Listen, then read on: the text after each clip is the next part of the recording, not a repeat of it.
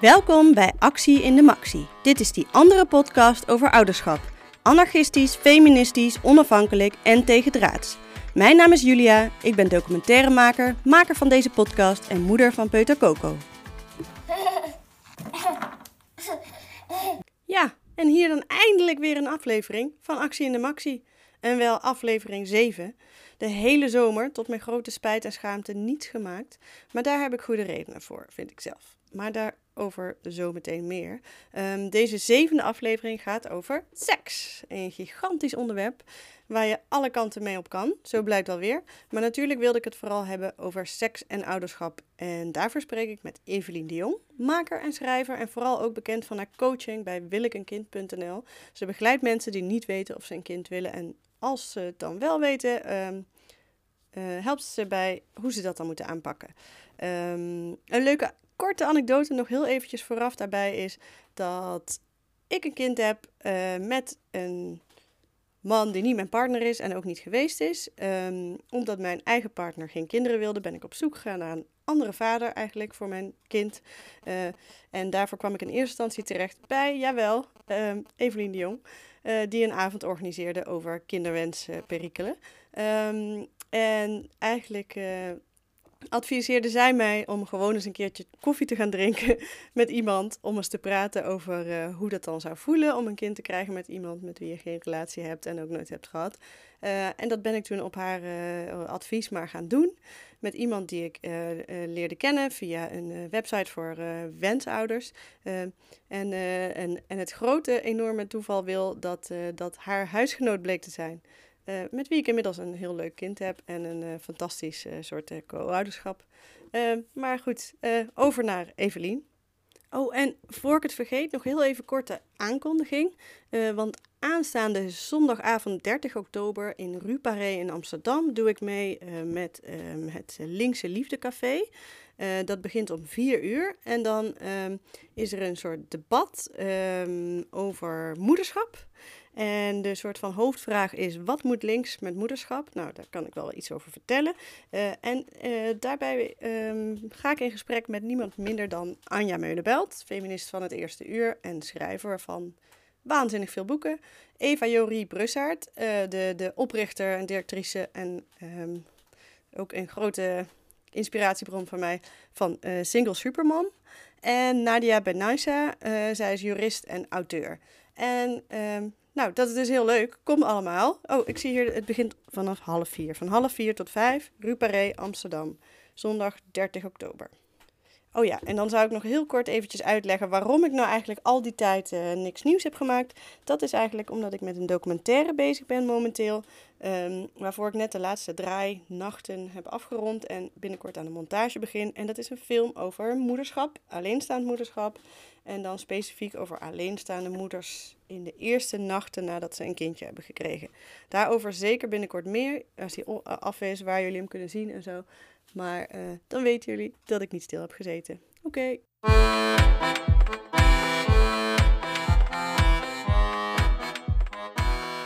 Oh ja. Um, uh, ik zal even zeggen, ja, zeker. Ja. Ik wil mezelf even voorstellen. Ik ben Evelien.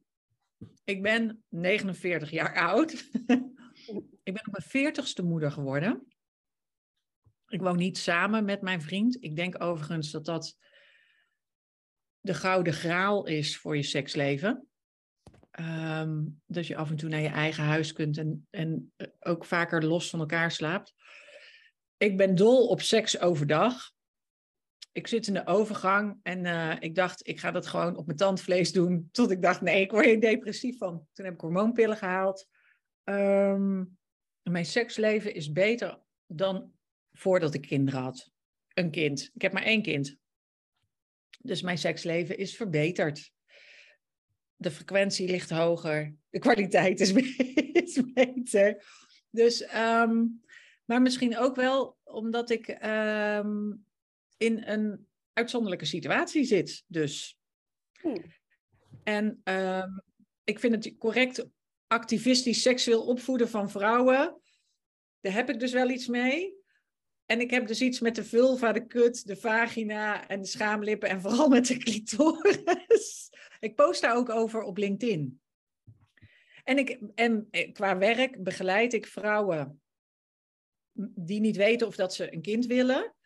En, uh, en soms weten ze dat ze een kind willen, maar weten ze niet hoe, omdat het antwoord niet vanzelf uh, uh, uit de liefde tevoorschijn getoverd wordt. En daar is seks, komt eigenlijk maar zeilings aan de orde.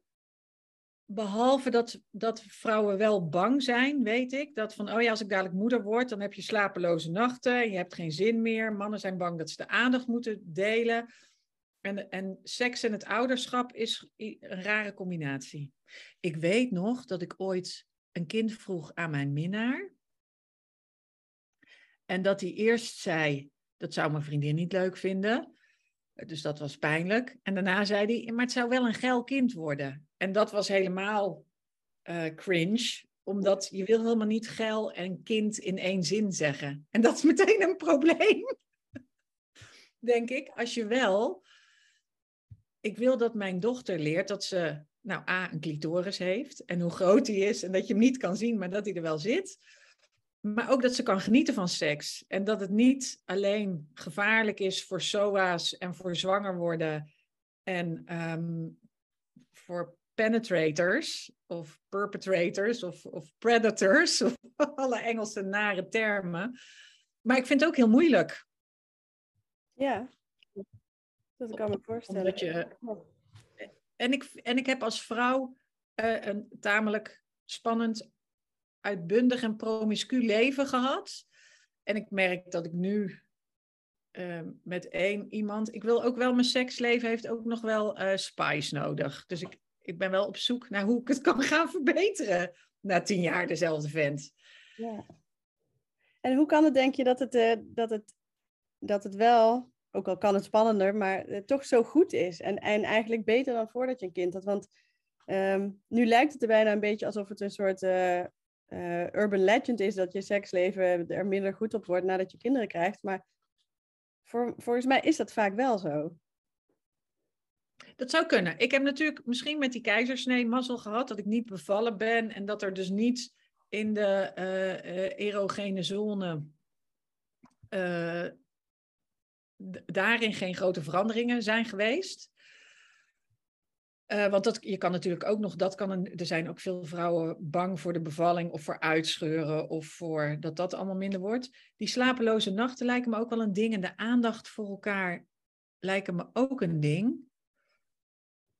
Maar, um, en ik merk wel, het is natuurlijk prettig. Ik heb nu een partner getroffen die weet wat ik lekker vind en waar ik ook veel duidelijker uh, aanwijzingen aan kan geven. En dat durfde ik eerst helemaal niet. Eerst dacht ik, oh ja, je moet een soort duckface uh, trekken en je moet met je kont omhoog staan en je moet geld doen en je moet dus ik heb gewoon een plaatje en het is niet een heel verheven plaatje van hoe een geile chick is en zich gedraagt. Maar bij mijn vriend kan ik gewoon mezelf zijn. Ja. En zeggen wat ik lekker vind. En ook, het is grappig, ik, want ik was er net over aan het nadenken en toen dacht ik, ik ben heel dankbaar voor heel veel dingen. Dus ik maak ook graag zin. En ik, ik merk, er is ook veel meer ruimte om speels, uh, om speels aan intimiteit te beginnen. Dus ik heb meer tijd. Want uh, als wij elkaar zien, nou, dan gaan we ook wel gewoon misschien een filmpje kijken op de beamer. Maar dan kan ik zeggen, oh, zal ik je even masseren? En dat is dan helemaal niet seksueel, maar dan hoef je niet te praten. Je bent toch samen. Je kunt even aan elkaars lijf zitten. En daarna voel je je beter. Nou ja, en wat ik zeg, seks overdag is ook echt een aanrader. Want uh, s'nachts ben je vaak moe en wil je slapen. Maar het is dus handig als je uh, overdag, ik heb gewoon nog wel booty calls. Dus dat, dat uh, een vriend zegt, oh, zal ik even bij jou komen lunchen? En dan weet ik wel dat dat lunchen is. Dus um, als, je, als je niet op een kantoor werkt, is, is, ik denk dat je daarmee de kwaliteit hoog houdt. Want op een gegeven moment heb je natuurlijk geen slapeloze nachten meer. Waarom denk je dat de kwaliteit van seks achteruit gaat? Um, nou, ik denk eigenlijk uh, vooral daardoor. Dus, dus eigenlijk ook wel zoals ik het zelf ervaren heb. Ik zit ook natuurlijk niet helemaal een, uh, zeg je dat? De meest mainstream situatie. Ik heb een vriend, maar dat is niet de, de, man, de vader van mijn kind. maar ik ben gewoon. Het begint eigenlijk nu dat ik eindelijk wat beter begin te slapen en, en ietsje minder moe ben. Maar ik denk zeker de eerste 2,5 jaar was ik gewoon uh, s'avonds, nou na 9 uur of zo, dacht ik, ik kan helemaal niets meer. Dus ik moest al helemaal niet denken aan seks. Um, en ik was heel erg, um, en dat, dat heb ik zelfs nog steeds wel een beetje, gewoon um, ja, dat, dat mijn dochter constant in mijn hoofd zat. Dus ik was gewoon de hele tijd daarmee bezig en ik kon me gewoon helemaal niet meer goed overgeven en ontspannen. Ja, en wat, ik denk dat dat bij heel veel mensen toch wel een rol speelt. Zeker als je dus. Kijk, ik heb in die zin uh, ook weer het geluk dat er in ieder geval één avond in de week is dat mijn kind uh, bij haar vader is. Um, ja, dat is mijn seksavond, zeg maar. en dan, uh, dan kan ja, ik. Ja wel. En dan, dan de pressure wel van die ene avond. Ja, ja, ja dan, en dan is het ook vaak ochtend. Want avond vind ik dus nog steeds heel, heel zwaar. Omdat ik dan gewoon zo moe ben en gewoon in slaap val. En daardoor wat minder zin heb. Maar ik ben echt van de ochtendseks. dat vind ik heel ja, fijn. Ja, ik, vind, ik moet zeggen, ochtend en overdag vind ik ook. Eh, ook omdat je als je en wat wij ook heel vaak doen, is, uh, is een filmpje. Dus dan um, zetten we op zondag of zaterdag en zondagochtend. En dat was vroeger was dat niet zo, maar ik zeg altijd scherm aan, kind uit. En dan zetten we gewoon een filmpje aan.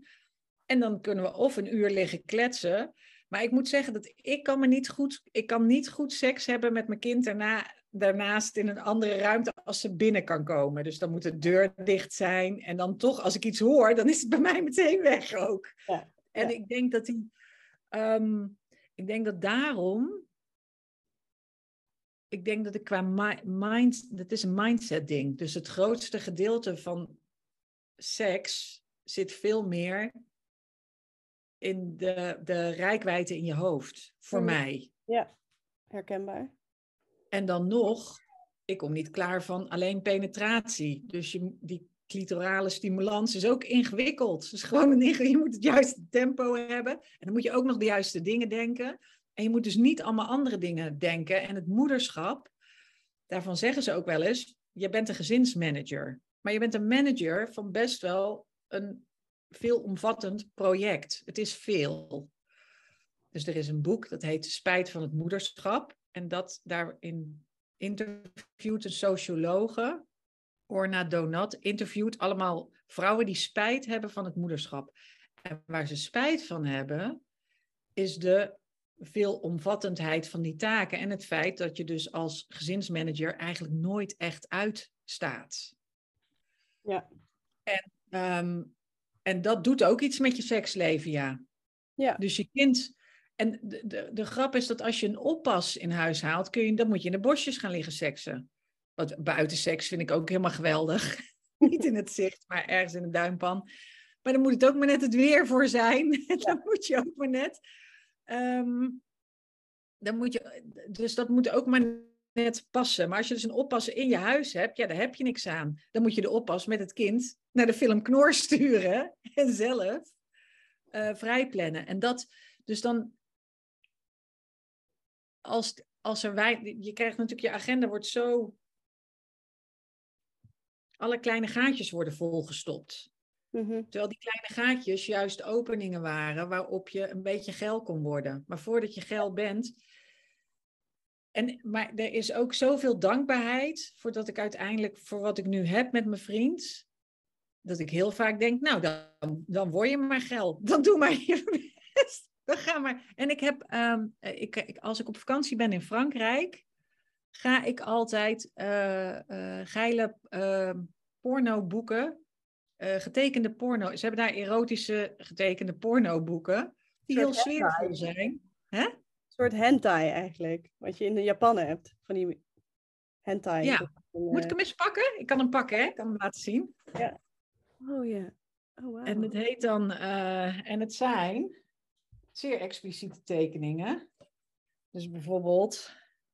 Oh ja, ja. We zien nu zeg maar echt bijna, natuur, bijna fotografisch natuurgetrouwe tekeningen van uh, porno, van seks eigenlijk. Ja, Ja, en dit zijn, en het is, nou, het is goed voor mijn Frans, want het is dus ook allemaal, er staat een Frans verhaaltje bij. Ja. Ehm, en, uh, en, het, en het zijn geen, ik, ik, heb, ik probeerde ook wel eens uh, geld te worden van porno kijken, en dat kan ook wel.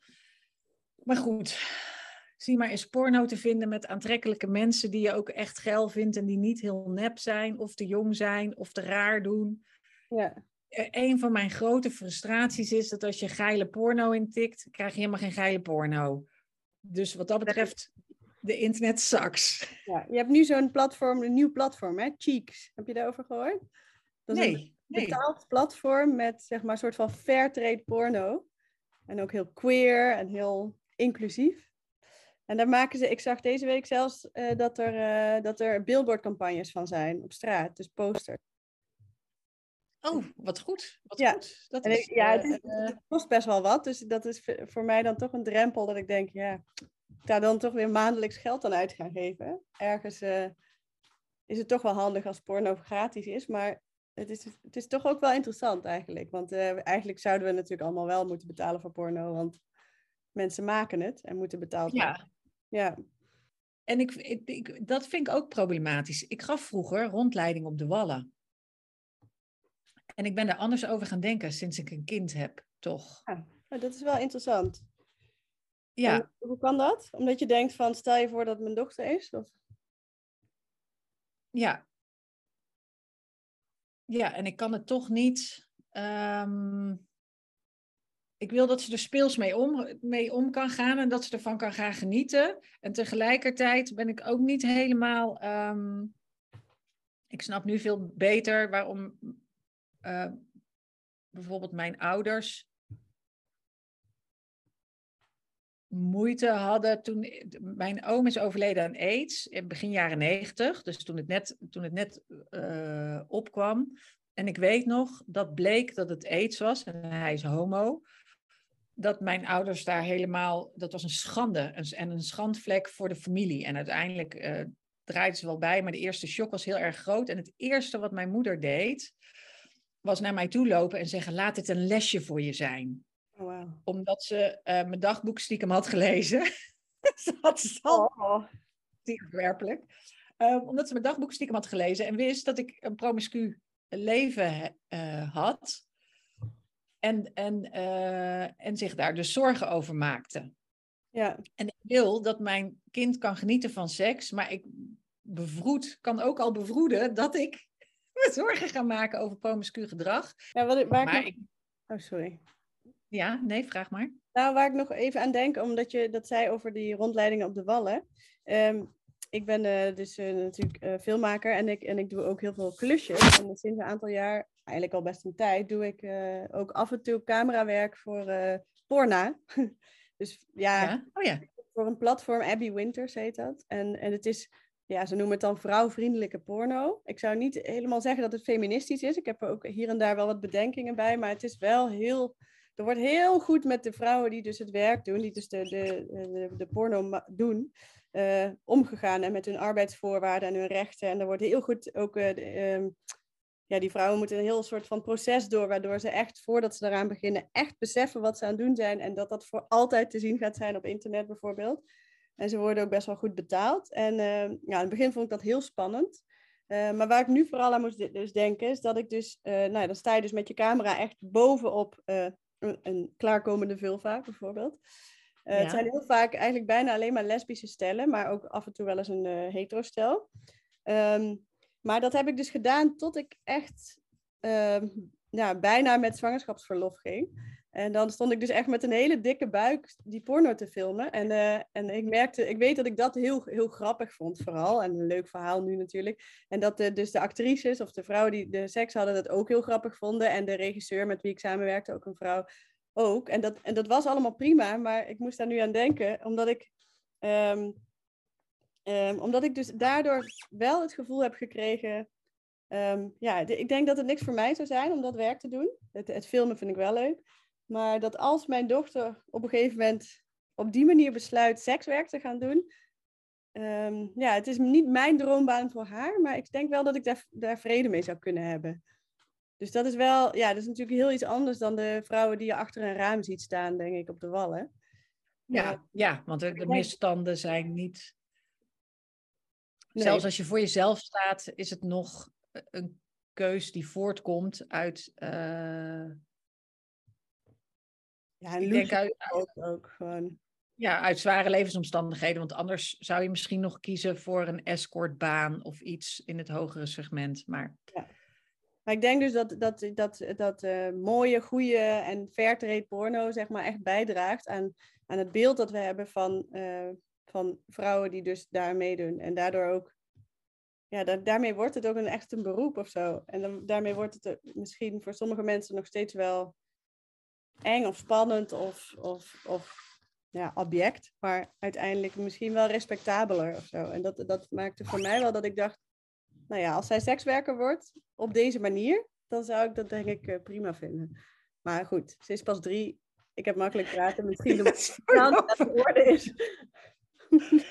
Wat vind je, want ehm, eh, ik zie dat, het al, dat we al bijna een half uur uh, aan het praten zijn. Het is natuurlijk een geweldig onderwerp. onderwerp. Wat, wat, hoe doe jij dan de, um, de seksuele opvoeding van je dochter? Ja, ik, ik denk er wel heel veel over na, maar ik vind het tot nu toe ook nog wel heel ingewikkeld, omdat, ik, uh, omdat ze nog zo klein is en, en je weet gewoon niet zo goed wat een kind wel en niet begrijpt. Um, nou ja, wat voor mij inderdaad heel belangrijk was, dat ik besloot um, van dit is, uh, uh, dat we haar geslachtsdeel een vulva gingen noemen. En af en toe komt ze wel eens van de opvang thuis en dan heeft ze het over de plassertje bijvoorbeeld. Nou, als ze dat wil, mag dat, maar dan zeg ik, nou ja, dat heet dus een vulva. en ik heb haar geleerd dat, dat, dat, dat we de vulva dat ze daar, uh, um, dat niemand daar zomaar aan mag komen, behalve zijzelf. En nou, deze week had ze toevallig ja. een beetje last ervan en heb, moest ik daar een crempje op smeren. Dus in die zin doe ik dat natuurlijk wel als het nodig is. Um, dus daar, daar, daar denk ik dan al over na van eigenlijk leer ik haar dat niemand aan mag komen. Maar ja, als ze pijn heeft, dan zit ik daar toch aan. En dat is dan oké. Maar ik denk dat dat niet erg is of zo. Um, en ja, ze heeft heel erg al best een tijdje geleden haar vulva ontdekt als ook gewoon iets wat best wel lekker is om aan te zitten. Uh, en dat was even zo'n periode, en misschien komt die ook wel weer terug als ik zo soms naar andere ouders luister, uh, dat ze daar de hele tijd te pas en te onpas aan wilde zitten en ook de broek de hele tijd uit wilde. Um, en dan bijvoorbeeld uh, ja, in een speeltuin of als we bij mensen op bezoek waren of zo. En dat, daar, daar worstelde ik zelf dus heel erg mee, omdat ik dacht, ja, ik wil wel dat ze beseft, bijvoorbeeld in het zwembad wil ze heel vaak haar zwembroek uit. Maar dan doen we onder de, gaan we onder de douche staan en dan mag het wel. Maar als we in het pierenbadje zitten, dan mag het niet. Weet je wel? Dat is echt ingewikkeld. Dus ik, ik word ook heel erg met die, die rare standaarden in onze samenleving. En tegelijkertijd wil ik haar ook beschermen, want ik wil ook niet dat ze uh, overal bloot is uh, en koprollen maakt, zeg maar. Want ja, de wereld. Ik, ik, ik vind het een ingewikkelde. Ja. Maar ik moet zeggen, wij zijn een... Um toen zij al geboren was, zijn wij naturist geworden. Ah. Dus wij gaan nu naar naturistencampings. En dat vind ik, uh, zelf ben ik daar enorme fan van. En ik vertelde dat tegen iedereen. En toen zei op een gegeven moment mijn vriend, je moet dat niet zomaar tegen iedereen zeggen. En toen dacht ik, ja, waarom niet? En toen zag ik wel een beetje dat het inderdaad ook zo is. Je moet het niet zomaar tegen iedereen zeggen.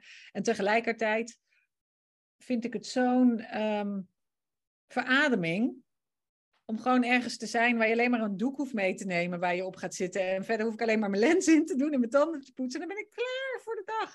Ja. En, uh, uh, er is ontzettend veel ruimte en heel veel natuur. En um, mensen zijn heel relaxed.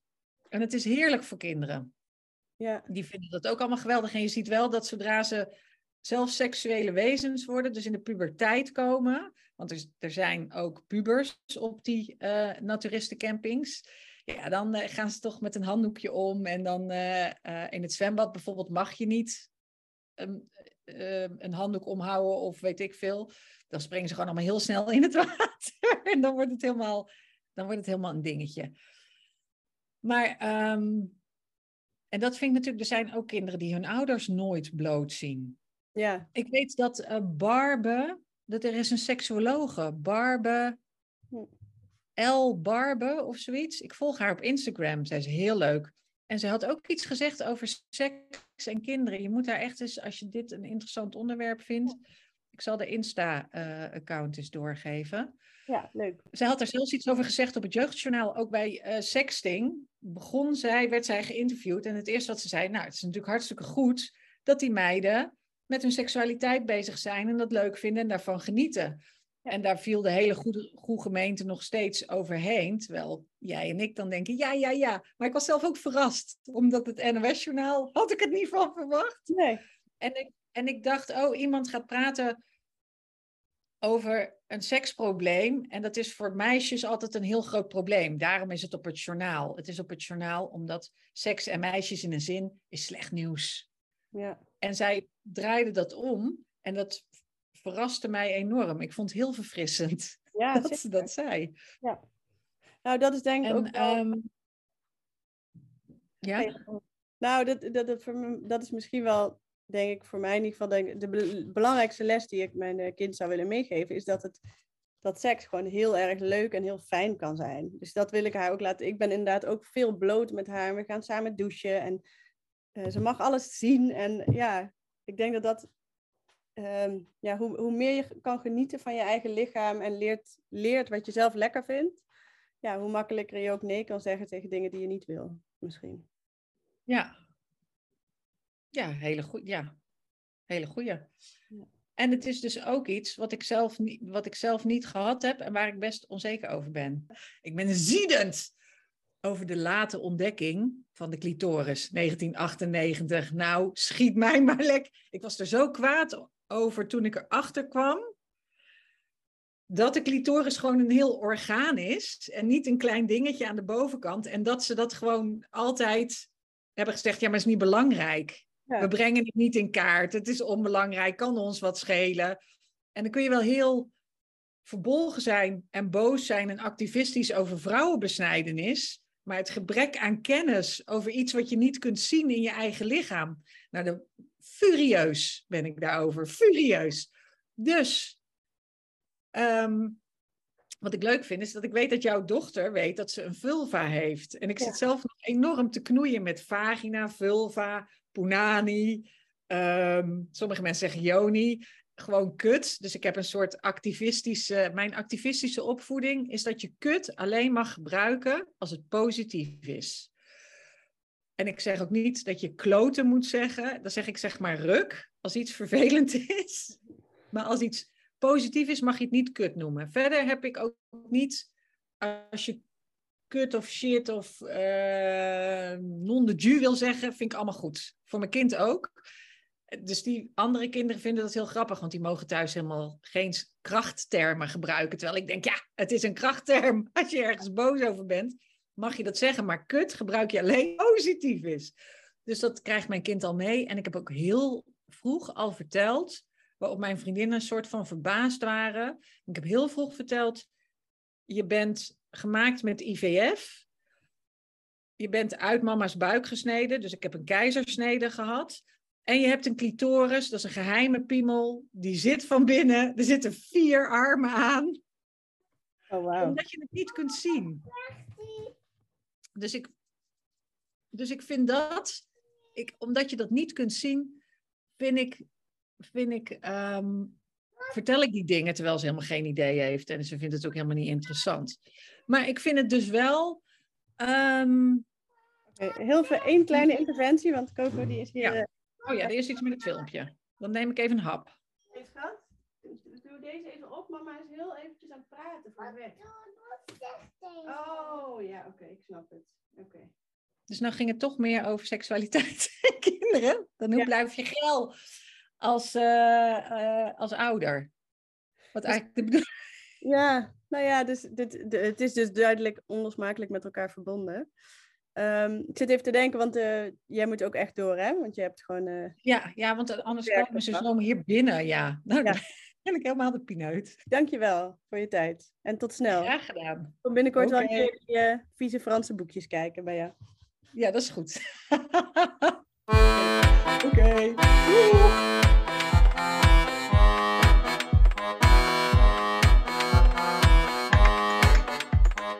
Nou, dit was hem alweer. Uh, duidelijk dat we hier nog heel veel uren meer over kunnen praten. En dat het uh, alle kanten op gaat, uh, dit onderwerp. Dat het een gigantisch onderwerp is.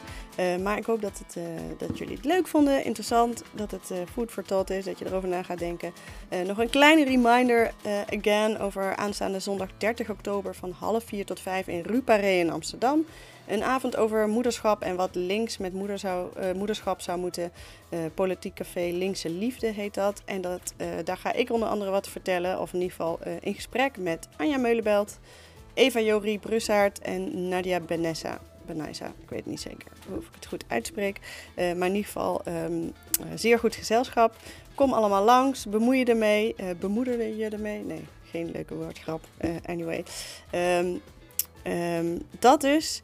Ehm, ik ga zorgen dat ik uh, deze keer veel sneller weer een aflevering ga maken. Want uh, um, ja, volgens mij het, gaat het best goed en is hartstikke leuk. En bedankt voor het luisteren. Doei!